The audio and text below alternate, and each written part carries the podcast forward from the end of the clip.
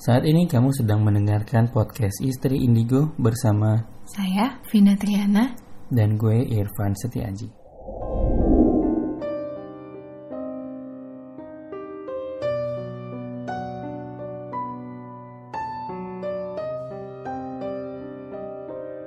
Ketemu lagi dengan kita berdua. Eh, gimana kabarnya teman-teman pendengar? Semoga baik-baik aja dan tetap sehat.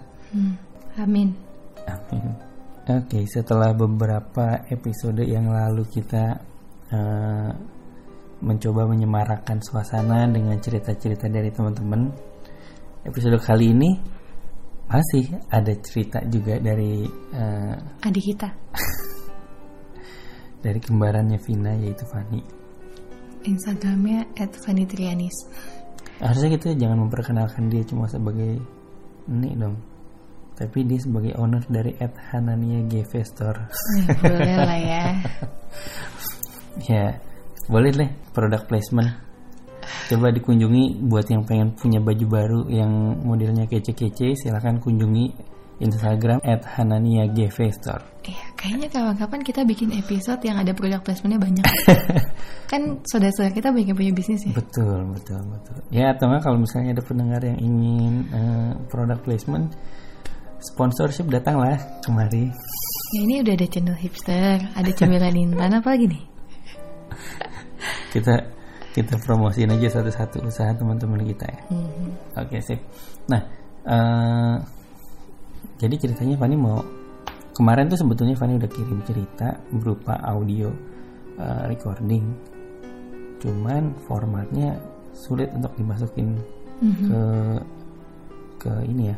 Formatnya format voice note di WhatsApp yang sejauh ini agak sulit buat di convert dan juga dimasukin ke eh, software audio editing gitu deh. Nah karena itu kita coba buat eh, ceritain ulang aja kali ya karena kebetulan juga kan dari pas lagi dulu ngalamin udah cerita-cerita ke kita ya. Mhm. Oke, cerita Dan gimana? kebetulan kita juga tahu rumahnya itu kan. Hmm, juga tahu kebayang banget gimana suasana rumahnya. Mhm. Jadi gimana gimana? Jadi em, ini cerita dimulai ketika Fani telah melahirkan anak pertamanya, Baru Tamima. melahirkan. hmm, hmm, hmm. Baru melahirkan, Dan ini ini masih cuti ya? masih cuti, Masih cuti. masih cuti kerja. Hmm. Em, setelah melahirkan, Fani memilih untuk ikut ke rumah mertuanya. Em, rumahnya lumayan besar menurut aku ya. Lalu kita bisa masuk itu lewat biasanya kita itu masuk lewat pintu samping Hmm. yang belakangnya gara- garasi mobil. Hmm. masuk dan di situ ada sofa panjang lalu ada akuarium Hmm. besar dan ada sebelah kanannya kalau kita masuk itu ada gantungan-gantungan baju karena kebetulan ada iparnya itu punya bisnis konveksi Hmm. Hmm.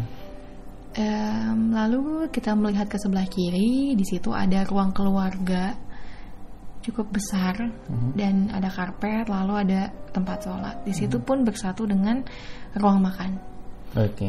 Nah, eh, Fanny tuh cerita bahwa kamarnya dia selama tinggal di situ itu ada di lantai dua sebenarnya. Hmm.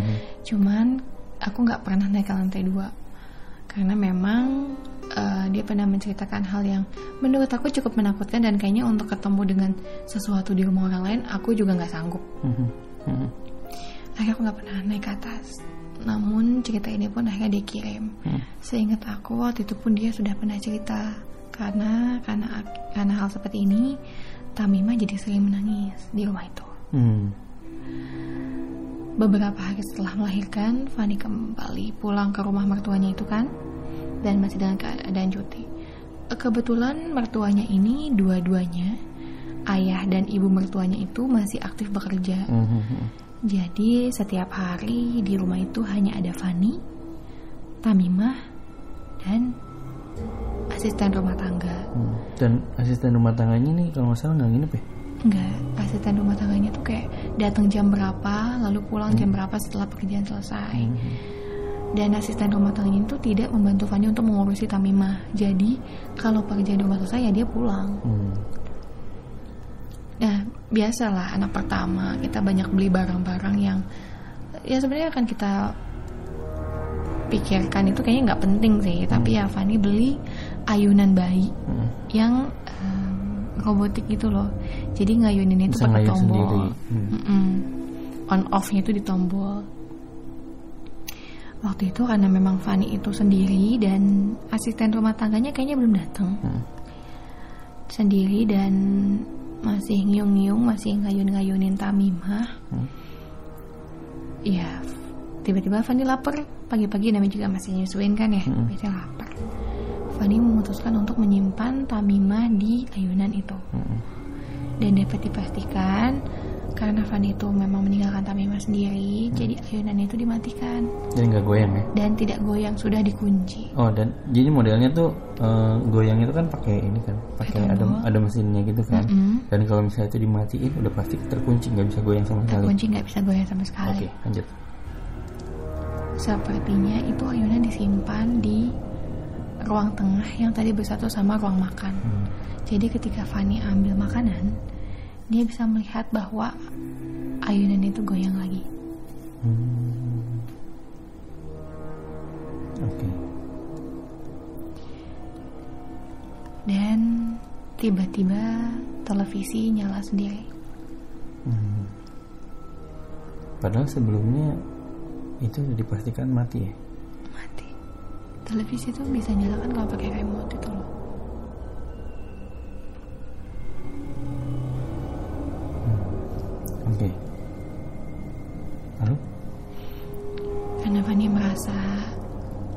Deg-degan, gemetar, takut, Hmm. tapi tetap harus tenang karena ada Tamimah. Fanny memutuskan untuk video call temennya yang udah di kantor. Hmm. Sampai ketika di tengah pembicaraan, percakapan mereka, Hmm. teman itu nanya, Van, itu di belakang lo, neneknya Tamimah lagi ngapain? Padahal kondisinya neneknya Tamimah juga lagi kerja kan, Yes. lagi ada di luar rumah.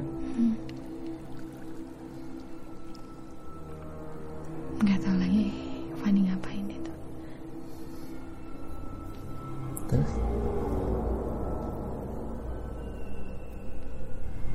Nggak tahu lagi dia ngapain. Dia kebayang aja sama anak bayi cilik banget baru lahir. Ada nenek-nenek juga datengin. Dan selama Fanny tinggal di rumah itu, aku memang sering dengar Fanny itu cerita bahwa sepertinya ada nenek-nenek memang yang gangguin Tamimah. Tamimah jadi nggak bisa tidur, Hmm. malam pun nggak bisa tidur. Yang spesifik ya, bentuknya nenek-nenek gitu. Aku agak sama-sama ingat bapak kayaknya emang pernah bilang juga Bilang apa? memang kalau ada nenek-nenek di rumah itu. Hmm. Bahkan pengasuhnya Tamimah waktu itu Hmm. orang-orang ke sini yang ikut ke sana Hmm. pun melihat Ngeliatnya gimana?